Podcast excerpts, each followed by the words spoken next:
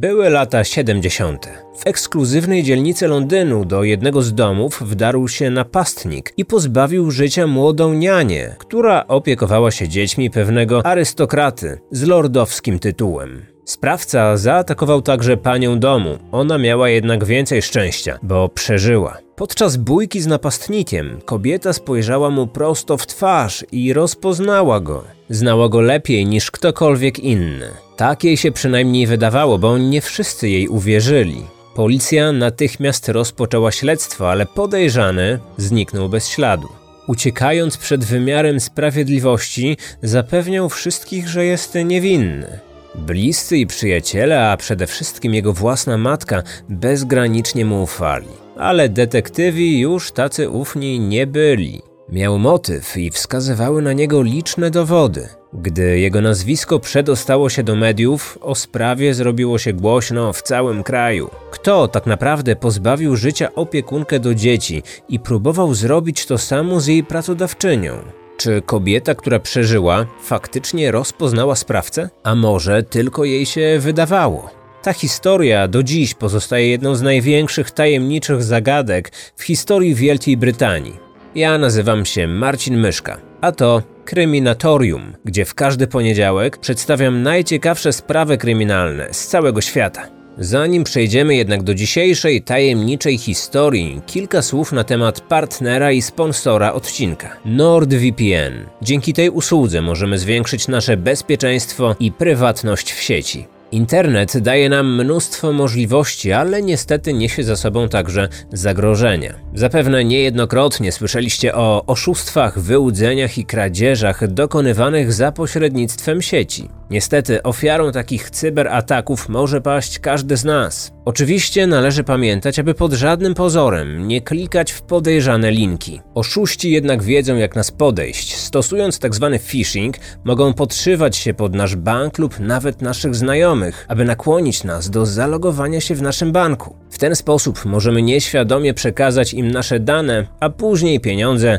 znikną z konta. Dlatego warto dodatkowo się zabezpieczyć. Dzięki NordVPN możemy włączyć ochronę sieci jednym kliknięciem. To zminimalizuje ryzyko złośliwego oprogramowania, które każdego dnia może trafić na nasze urządzenia. Usługa może być szczególnie przydatna w podróży. Będąc na wakacjach, korzystamy przecież z różnych publicznych sieci Wi-Fi, które mogą być fałszywe. Podczas korzystania z internetu sprawny oszust wykradnie nasze dane. NordVPN na pewno mu to utrudni. Warto skorzystać od razu z dwuletniej subskrypcji, bo wtedy jest największa zniżka. Kupując dwuletni plan, otrzymacie jeden miesiąc ekstra. Cena za zwiększenie naszej ochrony i prywatności nie jest duża, bo miesięcznie to koszt podobny do kupionej na mieście kawy. Co ważne, NordVPN daje także gwarancję zwrotu pieniędzy. Jeżeli ktoś nie będzie zadowolony z usługi, można z niej zrezygnować bez konsekwencji w 30 dni od zakupu. Pamiętajcie, aby zarejestrować się z mojego linka, czyli nordvpn.com ukośnik kryminatorium. W przeciwnym razie nie uzyskacie zniżki. Dlatego wejdź teraz w link, który znajdziesz w opisie tego odcinka,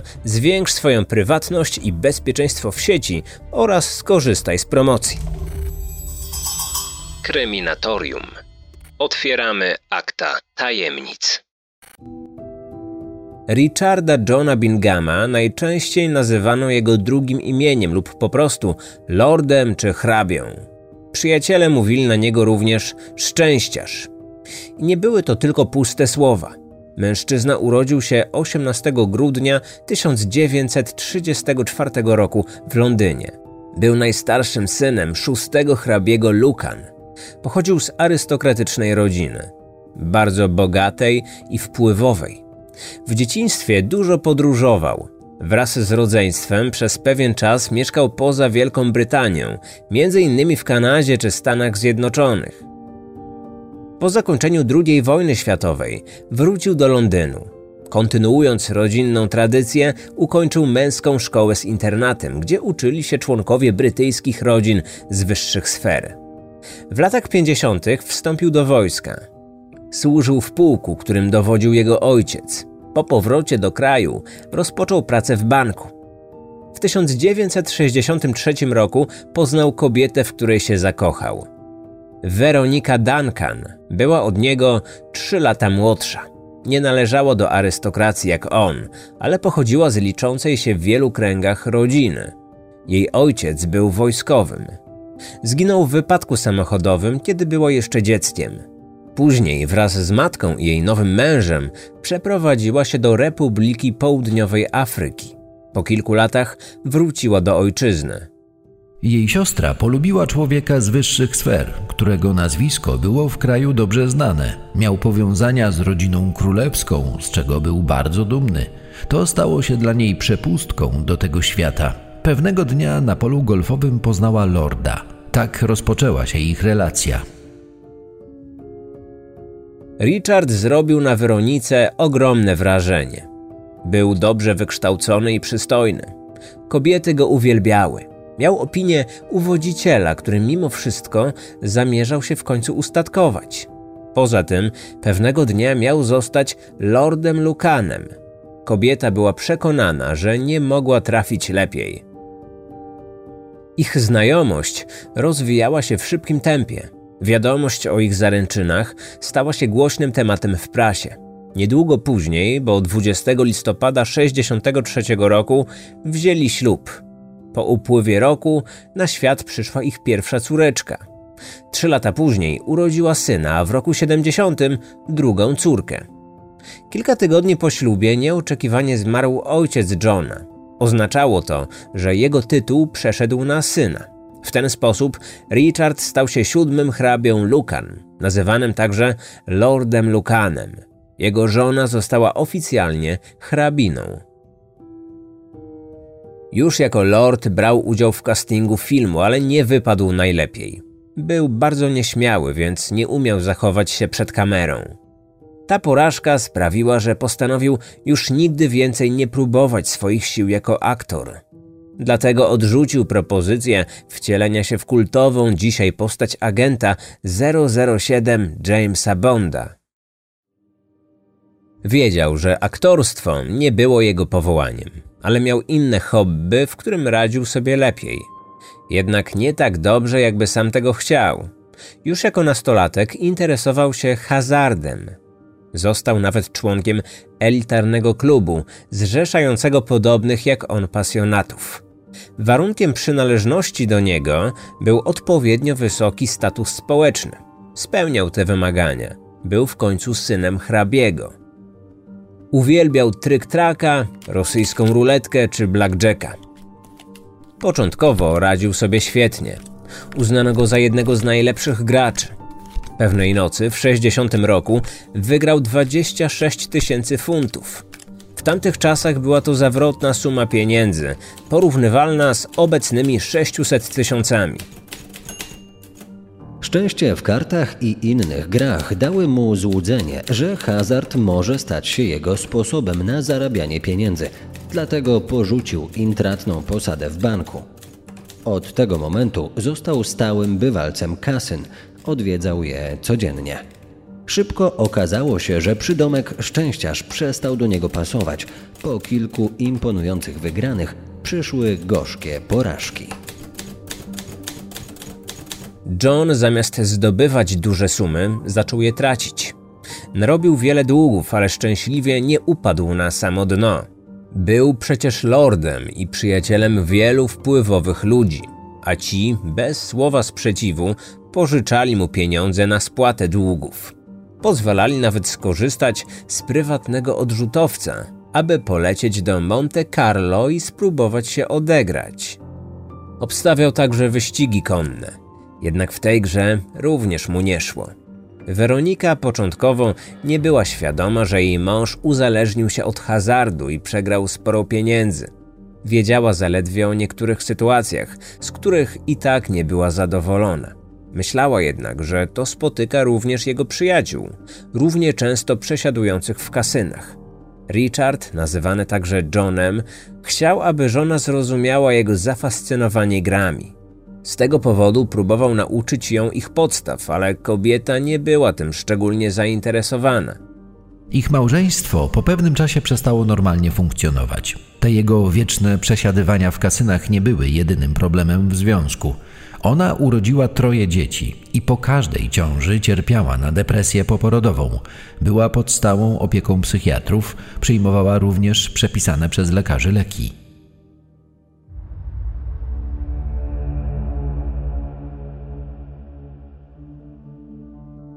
Jej choroba doprowadziła do tego, że małżeństwo nie potrafiło się ze sobą dogadać.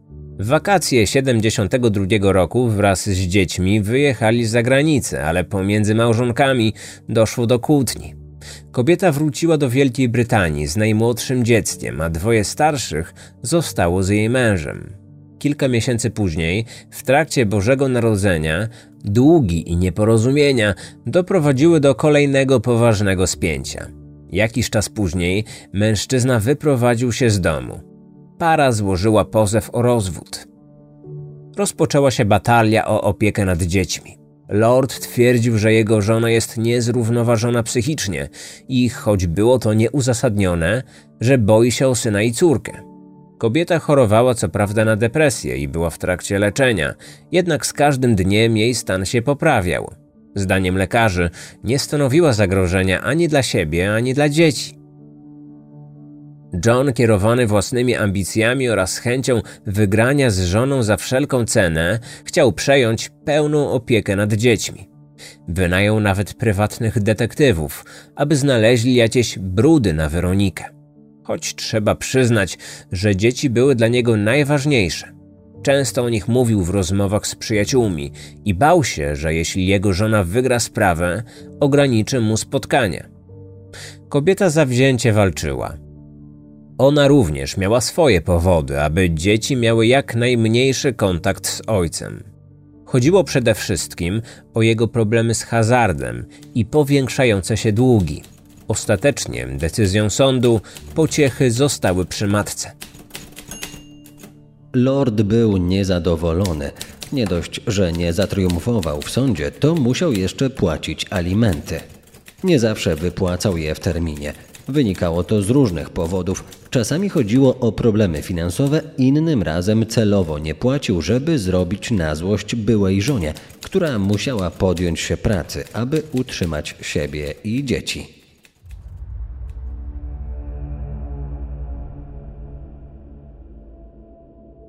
W domu hrabiny przewinęło się kilka opiekunek dla dzieci.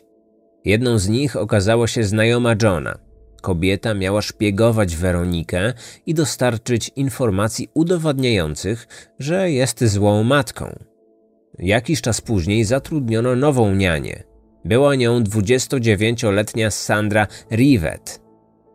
Kobieta, która budowała swoje życie na nowo. Sporą część swojego życia spędziła w Croydon, często trafiała na złych mężczyzn. W pierwszej połowie lat 60. zaszła w ciążę.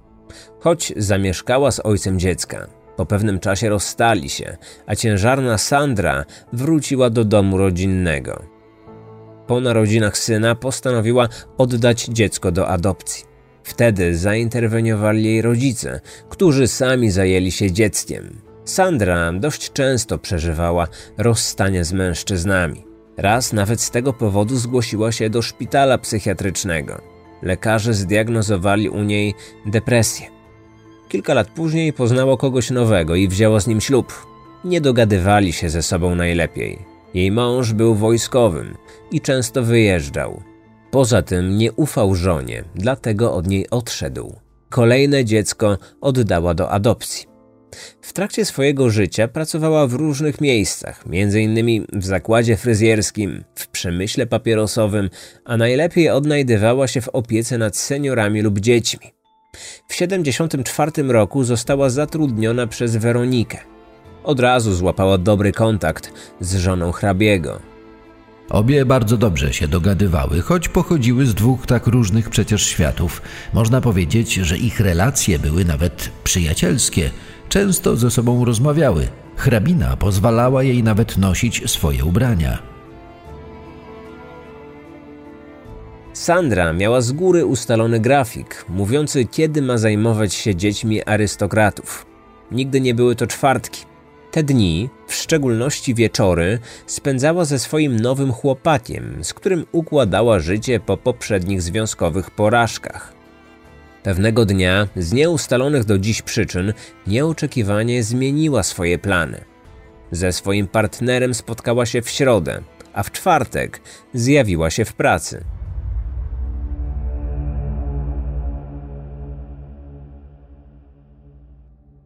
O godzinie 20 zadzwoniła do niego. Rozmawiali przez krótką chwilę. Później zajęła się swoimi obowiązkami. Musiała zadbać o to, aby trójka, która była pod jej opieką, poszła spać. Weronika tamtego wieczoru była w domu. Tuż przed 21 Sandra zapytała, czy nie ma ochoty na herbatę, a potem poszła ją zaparzyć.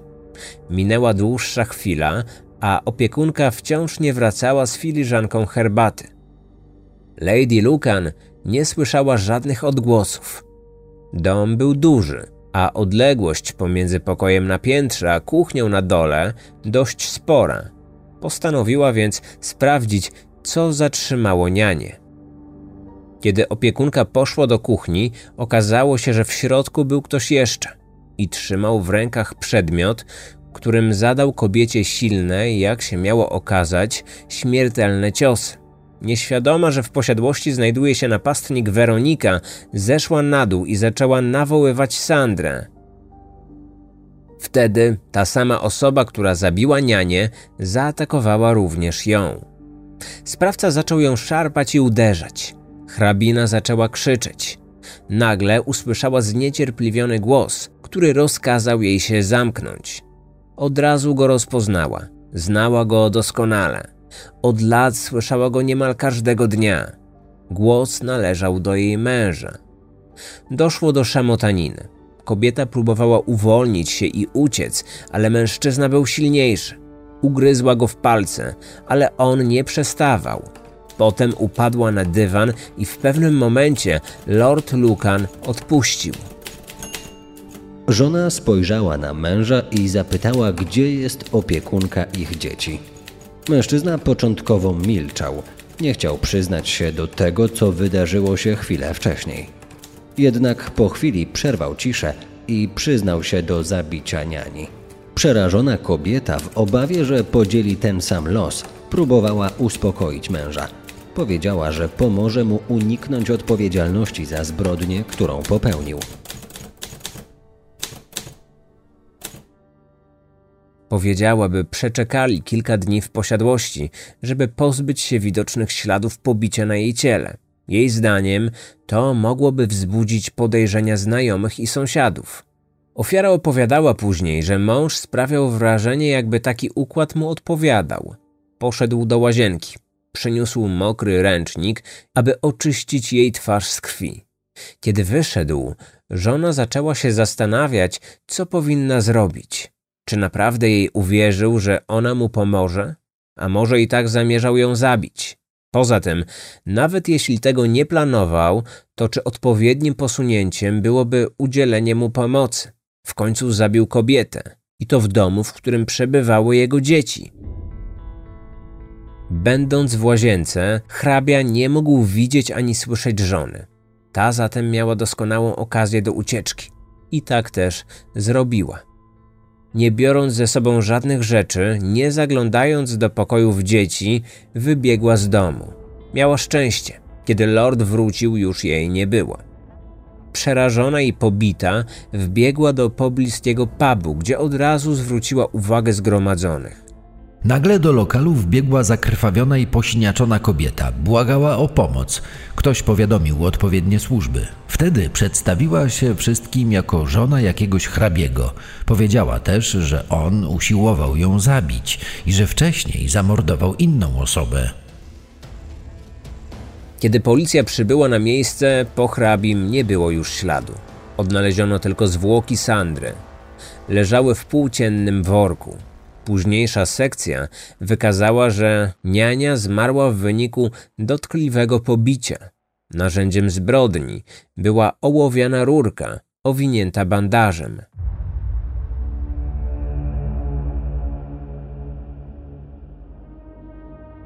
Weronika opowiedziała funkcjonariuszom o tym, co zaszło w jej domu. Niania, która od dziesięciu tygodni dla niej pracowała, położyła dzieci spać a później poszła do kuchni zaparzyć swojej pracodawczyni herbatę. Kiedy nie wróciła, hrabina poszła sprawdzić, co ją zatrzymało. Wtedy ktoś ją zaatakował. Po głosie rozpoznała swojego męża. Później zobaczyła jego twarz. Kiedy mężczyzna odpuścił, zaczęli rozmawiać. Wmówiła mężowi, że mu pomoże, ale uciekła, kiedy tylko nadarzyła się okazja. John stał się pierwszym podejrzanym. Oczywiście wzięto pod uwagę też inne wątki, zwłaszcza te, które dotyczyły samej zamordowanej. Przesłuchano jej chłopaka oraz byłych partnerów, którzy teoretycznie mieli motyw, by ją skrzywdzić. Słowa Weroniki traktowano poważnie, ale z drugiej strony brano pod uwagę, że małżonkowie byli w separacji i stoczyli prawdziwą batalię w sądzie w związku z opieką nad dziećmi. Zraniona żona mogłaby chcieć zemsty. Poza tym kobieta została mocno pobita i była w szoku. Nawet z tego względu mogła fałszywie rozpoznać w napastniku swojego znienawidzonego męża. Mimo wszystko prowadzono poszukiwania hrabiego. Mężczyzna był nieuchwytny, ale policja zdołała ustalić, co robił po opuszczeniu domu żony i dzieci. Arystokrata kilka tygodni wcześniej pożyczył samochód od swojego przyjaciela. Choć był właścicielem Mercedesa, to w ostatnim czasie można było widzieć go za kierownicą Forda. To właśnie tym autem przemieszczał się 7 listopada. Pierwszym miejscem, do którego udał się po tej całej tragicznej sytuacji, był dom znajomych. Ich córka zaprzyjaźniła się z jego dziećmi. Chwilę po 22 ktoś zapukał do drzwi. Z uwagi na późną porę i złe przeczucie właścicielki, nikt nie otworzył. Chwilę później zadzwonił telefon. Matka dziewczynki odebrała, a później zeznała, że był to dziwny i chaotyczny telefon. Nie miała pewności, ale przeczuwała, że dzwonił John. Policjanci dokładnie zbadali ten wątek. Przyjechali do tego domu i później wezwali tam ekipę kryminalistyczną. Na wycieraczce i drzwiach znajdowały się podejrzane ślady przypominające krew. Po ich zbadaniu okazało się, że należała ona do dwóch różnych osób. Jedna z nich miała grupę A, druga B, jak Sandra i Weronika. Następnym krokiem ze strony Lorda było porozumienie z jego matką. Podejrzany zadzwonił do niej między 22.30 a 23.00. Śledczy przesłuchali matkę mężczyzny w charakterze świadka. Kobieta opowiedziała o rozmowie z synem, który twierdził, że w domu, z którego się wyprowadził, a w którym mieszkała jego żona i dzieci, doszło do katastrofy. Gdy tamtędy przejeżdżał, zauważył w oknie żonę walczącą z jakimś mężczyzną. Wszedł wtedy do środka. Hrabina wdowa jednak nie miała pojęcia, co wydarzyło się później. Nie wiadomo skąd zadzwonił. Być może wykonanie telefonu umożliwili mu jego znajomi, których odwiedził. Była to rodzina Maxwell Scott, mieszkająca wtedy około 70 km od Londynu. John opowiedział im tę samą wersję co swojej matce. Znajomi twierdzili, że to niemożliwe, by on kogoś zabił, Opowiadali, że musiał znaleźć się tam przypadkiem i był przerażony sytuacją. Jeszcze ciekawsze okazało się to, co wydarzyło się przed tragedią. 7 listopada hrabia miał zaplanowanych kilka spotkań. O 13 był umówiony na obiad, a o 23 na kolację. Na żadne z tych spotkań nie przyszedł. Nie poinformował nawet swoich przyjaciół o nieobecności. Było to do niego niepodobne. Zamiast tego o 16 odwiedził jedną z aptek, w której często bywał. Znał się z tamtejszym farmaceutą i zazwyczaj przychodził w jednej konkretnej sprawie. Hrabia pokazał mi tabletkę i zapytał, na co ona jest. Był to akurat lek stosowany w leczeniu stanów lękowych i depresji. Już wcześniej zdarzyło mu się przyjść z podobnymi pytaniami. Zawsze pytał o jakiś lek, na jakie schorzenie się go stosuje. Nigdy jednak nie zdradzał, skąd je brał. Znajomi i przyjaciele zeznali, że John był w ostatnim czasie w kiepskiej kondycji psychicznej. Dubiła go przegrana w sądzie oraz zasądzone płacenie alimentów. Raz nawet miał powiedzieć, że dla jego finansów byłoby lepiej, gdyby żona umarła. Policja przeszukała dom, w którym mieszkał po rozstaniu z żoną. Wszystkie jego rzeczy były na swoim miejscu. Nie wziął ze sobą nawet paszportu. Mercedes wciąż zaparkowany był na podjeździe. 8 listopada po raz ostatni zadzwonił do matki. Kobieta próbowała namówić go na kontakt z policją. Wierzyła, że to wszystko jest zwykłym nieporozumieniem i można to wyjaśnić. John obiecał, że tak zrobi.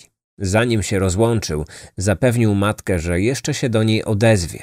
I to była ich ostatnia rozmowa. Lord wysłał też kilka listów do najbliższych przyjaciół. W jednym z nich przedstawił swoją wersję wydarzeń. Napisał, że jakiś mężczyzna napadł na jego żonę, ale kiedy on wszedł do środka, napastnik zdążył się wymknąć. Przerażona kobieta zaczęła krzyczeć. Nabrała jednocześnie przekonania, że sprawcę napadu nasłał na nią jej własny mąż. Później uciekła. Hrabia zapewnił, że żona będzie celowo kłamać i zrzucać na niego winę ze względu na ich konflikt. Podkreślał, że najbardziej martwi się o swoje dzieci.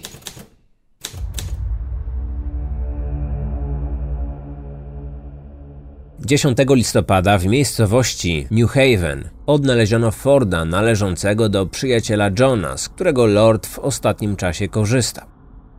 W środku były tylko dwa przedmioty: butelka wódki oraz zabandażowana rurka.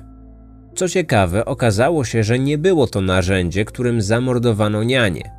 Tamta rurka pozostała na miejscu zbrodni, ale wszystko wskazywało na to, że obie pochodziły z tego samego dłuższego kawałka.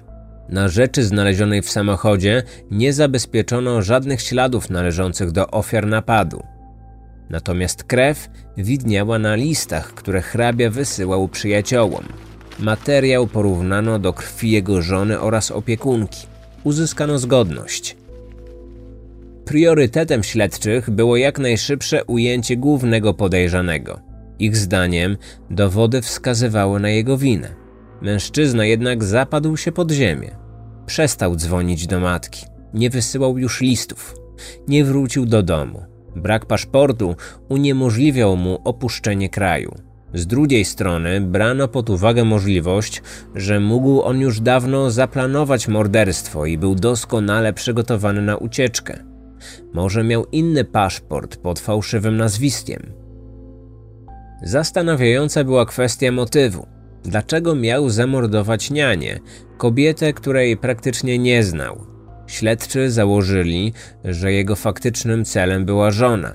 Warto przypomnieć, że do tragedii doszło w czwartek, a niania nigdy wcześniej nie pracowała w ten dzień. John dobrze wiedział, kiedy w domu żony może natknąć się na obce osoby, a kiedy nie. Prawdopodobnie był przekonany, że tamtego dnia, oprócz Weroniki i dzieci, nikogo więcej nie będzie. Zresztą, bliscy Sandry stwierdzili, że miała ona dobry kontakt z hrabiną. Czy zabójca pomylił opiekunkę z żoną? 13 listopada 74 roku wszczęto śledztwo. Przesłuchano wszystkich ważnych świadków. Ostatecznie uznano, że zabójcą niani był hrabia. Miały dni, tygodnie i miesiące. Po poszukiwanym mężczyźnie wciąż nie było śladu. Sprawa okazała się bardzo medialna, ponieważ człowiek podejrzany o dokonanie zabójstwa pochodził z arystokratycznej rodziny. Tylko jego rodzina i przyjaciele byli krytyczni wobec takiego oskarżenia. Wierzyli, że lord nie byłby zdolny do takiej zbrodni. Większość ludzi uważała, że Weronika albo kłamie, albo na jej zeznania wpływ miały problemy psychiczne. Jej wersja miała być jednostronna i nieobiektywna. Ale nie było możliwości poznania wersji drugiej strony, ponieważ hrabia nie chciał jej przedstawić. Jednak nie można było postawić go przed sądem i ukarać, bo uciekł. Poszukiwano go przez wiele lat. Liczono, że w końcu odpowie za popełnione przestępstwo.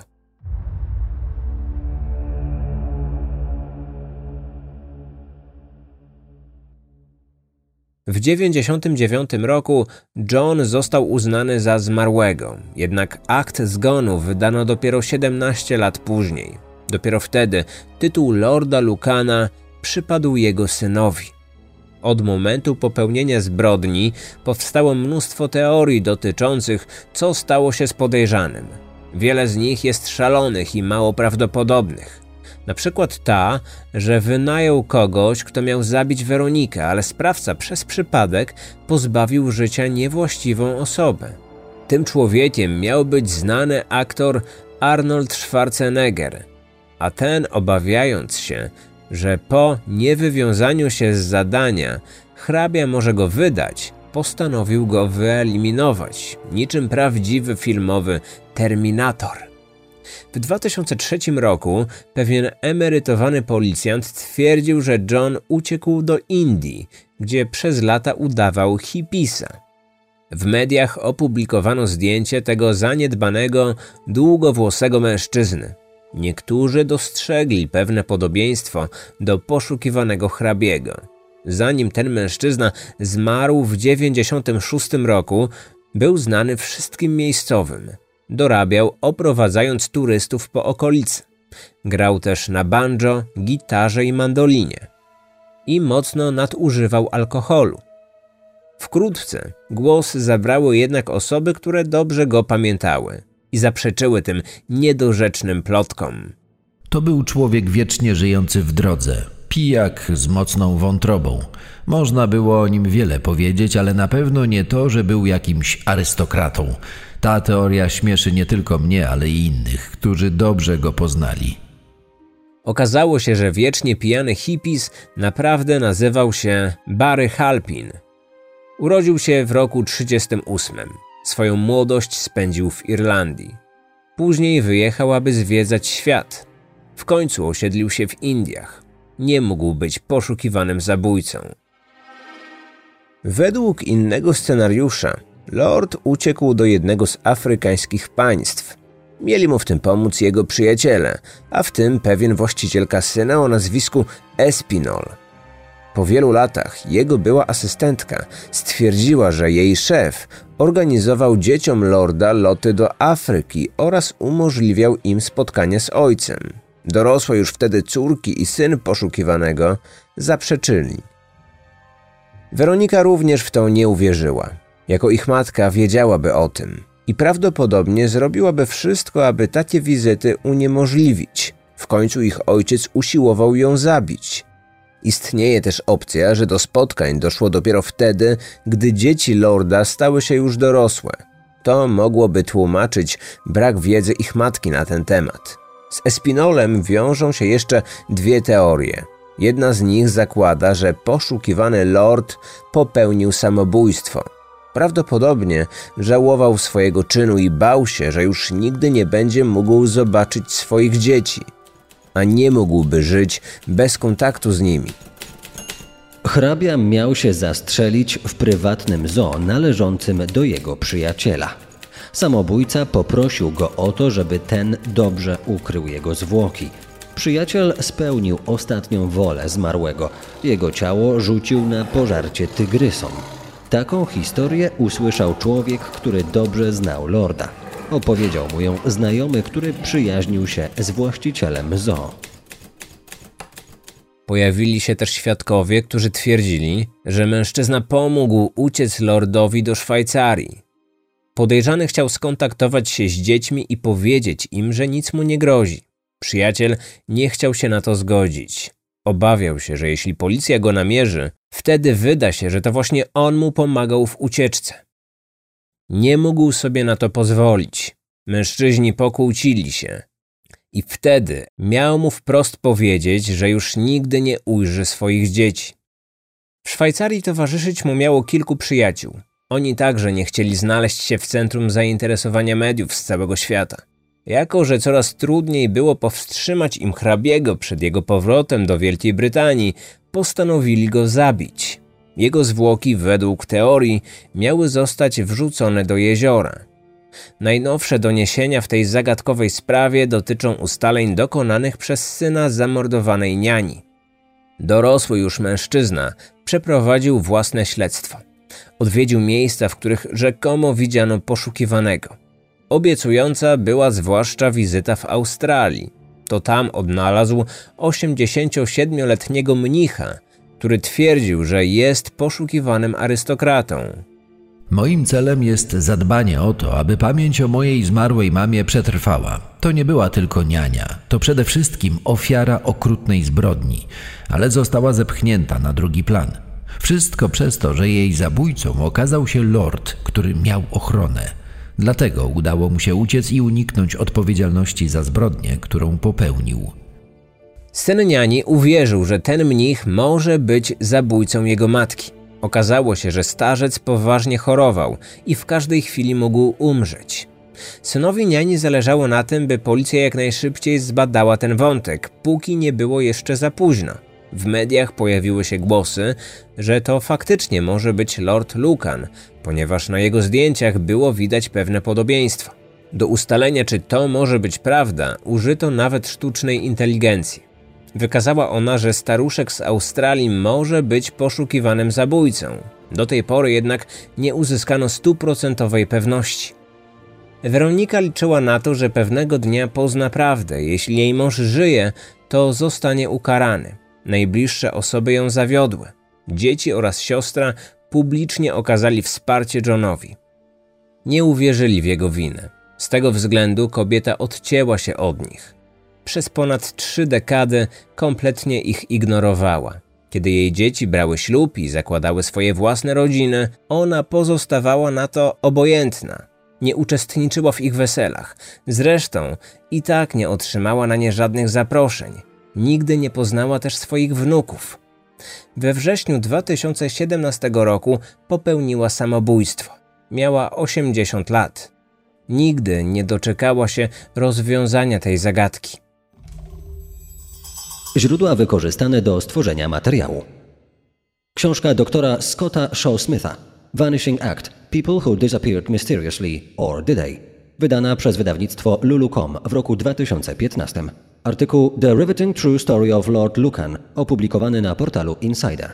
Artykuł Suspected Murderer Lord Lucan has allegedly been found in Australia opublikowany na portalu Scotsman. Artykuł How Killer with Connections Lord Lucan Used Friend in High Places to Get Away opublikowany na portalu The Mirror. Artykuł The Tragic Life and Death of Lady Lucan opublikowany na stronie History Lit. Artykuł Slaughtered by the Aristocracy opublikowany na portalu Medium. Artykuł Mistaken Identity Who was Lord Lucan Nanny Sandra Rivet opublikowany na portalu The Sun. Artykuł Lady Lucan Ran into the Pub Crying opublikowany na stronie The Mirror. Artykuł The Disappearance of Lord Lucan opublikowany na stronie Crime Library. Artykuł Lord Lucan Last Known Contact with Aristocrat Claims He's Alive in Unedited Footage opublikowany na portalu Express. I nie zapomnij o NordVPN, który zwiększy Twoją prywatność i ochronę w sieci. Usługa oferuje 30-dniową gwarancję zwrotu pieniędzy. Dlaczego więc nie spróbować? Sprawdź ofertę na nordvpn.com ukośnik kryminatorium. Link uprawniający do zniżki oczywiście zamieszczam w opisie materiału.